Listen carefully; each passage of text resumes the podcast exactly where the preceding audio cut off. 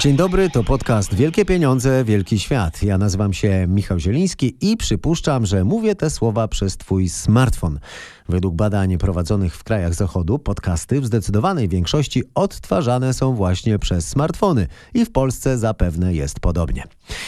Przypuszczam też, że masz swój telefon za sprzęt bardzo osobisty, no ale musisz wiedzieć, że to tylko wyobrażenie. Szpieg w smartfonie, Pegasus słyszy, czyta, śledzi, grzebie w zdjęciach i nagrywa przejętym telefonem filmy. A bohaterem jest program szpiegowski do kupienia za kilka milionów dolarów. Kiedyś podsłuchiwano tylko przez ściany albo z zakrzaków. Potem firmy telekomunikacyjne pozwalały służbom podsłuchiwać rozmowy telefoniczne. A teraz mamy łączność cyfrową z wbudowanym albo dobudowanym dostępem śledzenia, wbudowanym przez firmy telekomunikacyjne, dobudowanym przez włamywaczy.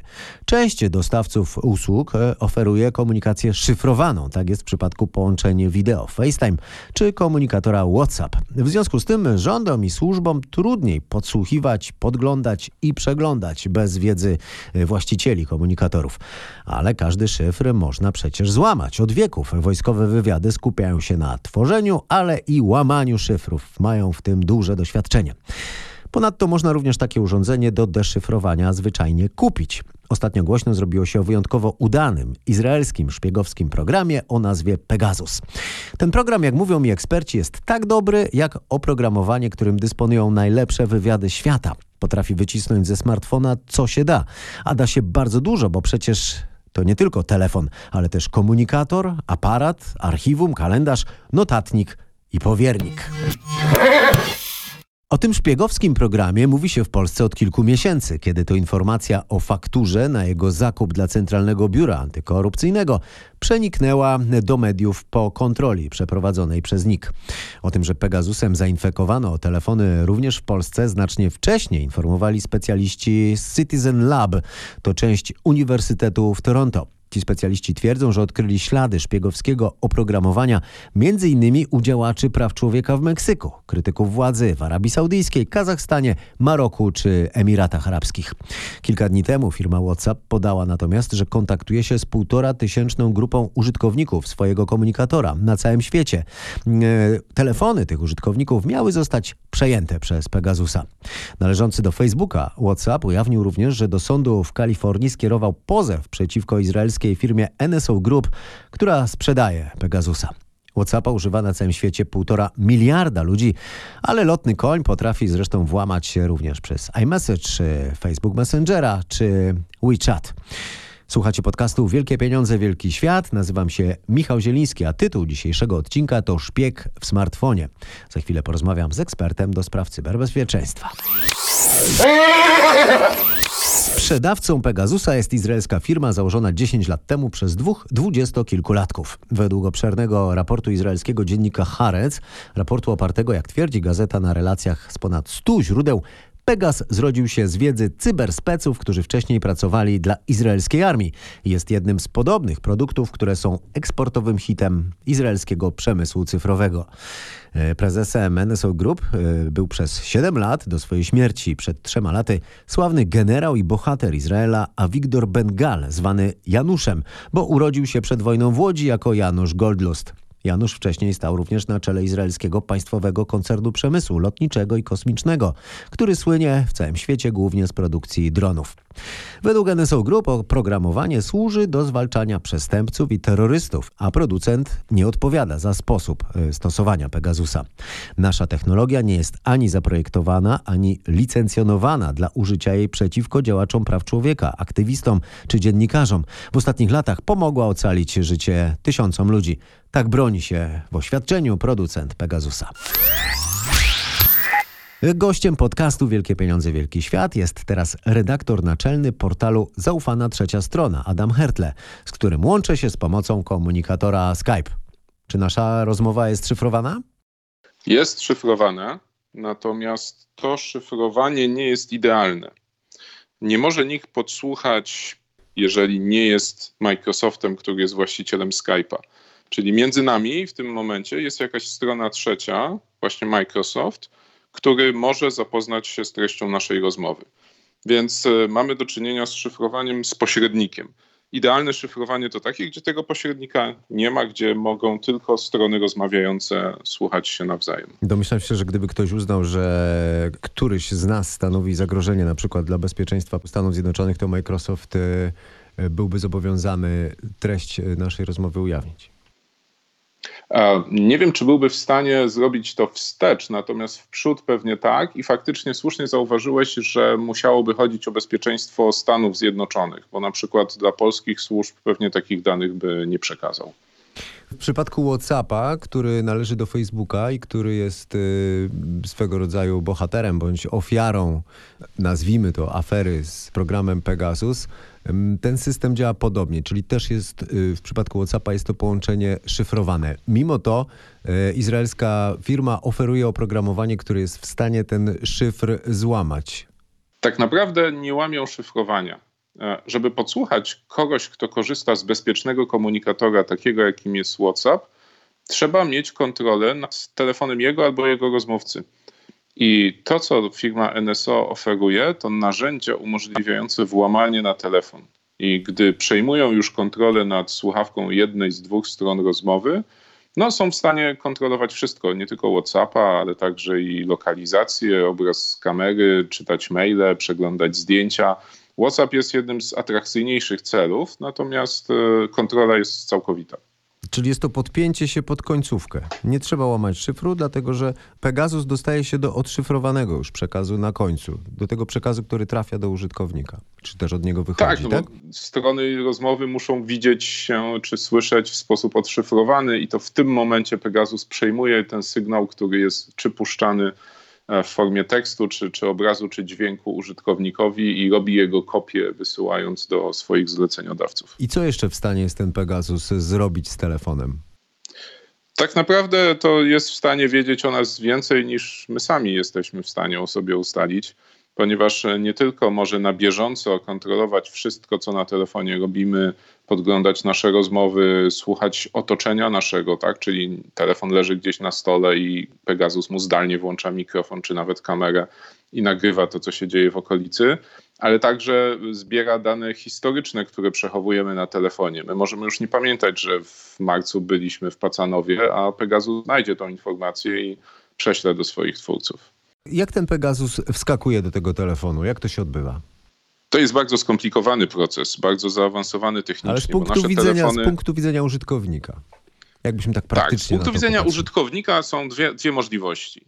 Albo w wersji bardziej zaawansowanej nie dzieje się nic, czyli z punktu widzenia użytkownika telefon leżał i leży dalej, ale od tego momentu już ma Pegasusa, bo on się tam dostaje wiadomością, której my nie widzimy to jest taki idealny sposób infekcji dla twórców tego narzędzia i rzadko udaje im się znaleźć aż tak dobrą metodę. Dużo częściej metoda, której używają, to wiadomość, w której jest jakiś link albo jakieś połączenie nieodebrane, i najczęściej musimy w takiego linka dopiero kliknąć, aby zainfekować swój telefon. I wtedy ta wiadomość będzie miała w swojej treści jakieś bardzo zachęcające nas do klikania informacji, na przykład twoje dziecko miało wypadek, zobacz tutaj są szczegóły, czy coś w tym stylu. Nabywcy tego oprogramowania w różnych krajach y, czyli rządy i służby specjalne, mm, mają z założenia, jak już mówiliśmy, śledzić terrorystów czy też przestępców, ale, ale kanadyjscy specjaliści odkryli, że właściwie to te rządy śledzą kogo chcą, a w szczególności swoich przeciwników, dziennikarzy, prawników, działaczy praw człowieka, nawet liderów mniejszości, w tym seksualnych.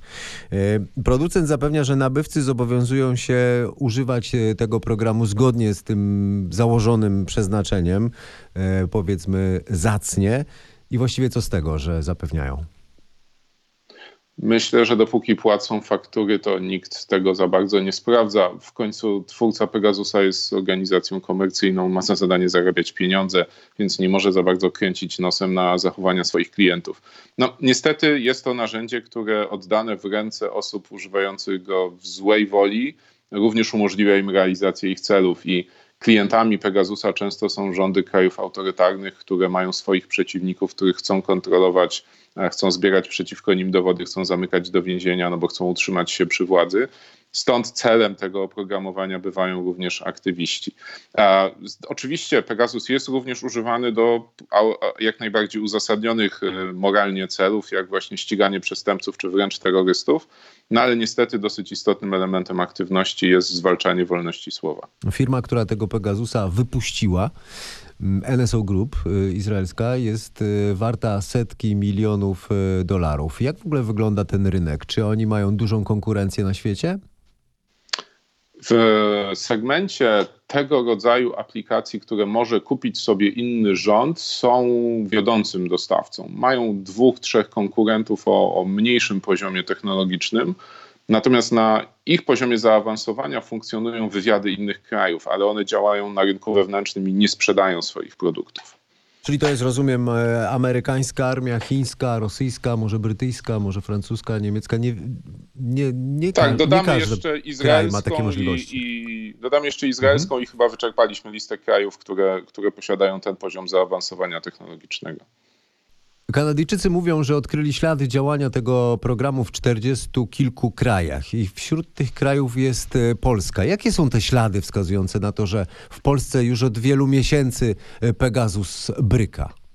Kanadyjczycy znaleźli ślady infrastruktury w Polsce i znaleźli tą infrastrukturę, która zarówno od strony serwera, jak i od strony ofiar na pewno znajduje się w polskich sieciach. Prawdopodobieństwo, że jakiś inny kraj instalowałby swoje serwery w Polsce, żeby podsłuchiwać Polaków, e, w przypadku tego narzędzia jest akurat znikome. W każdym ze znanych przypadków ta infrastruktura jest zarządzana przez kraj, w którym się znajduje. Natomiast nie jest to jedyny dowód na, na istnienie Pegasusa w Polsce ponieważ e, dziennikarze znaleźli faktury na zakup narzędzi do podsłuchu, które zostały e, zakupione przez CBA. I kwoty na tych fakturach jednoznacznie pasują do znanych cenników Pegasusa. Jaka to kwota? To kilkadziesiąt milionów złotych, trzydzieści parę bodajże. Halo? Halo? Halo? Halo. No. Mieliśmy jakieś teraz towarzystwo, pozostając w, tak, w temacie. Tak. Mam teraz taką w Polsce aferę dość głośną. Zarzuca się y, biznesmenowi, że wrzucił torbę z łapówką do superwozu burmistrza jednej z warszawskich y, dzielnic. Sama świadomość, że taki Pegasus gdzieś lata po, po polskiej sieci, jak sobie wyobrażam, utrudnia korupcję, utrudnia y, wiele niecnych zamiarów. No bo co, zostają spotkania w lesie bez komórek czy może są na rynku takie bezpieczne urządzenia, czy innego rodzaju zabezpieczenia, które e, pozwalają nie obawiać się takiego oprogramowania?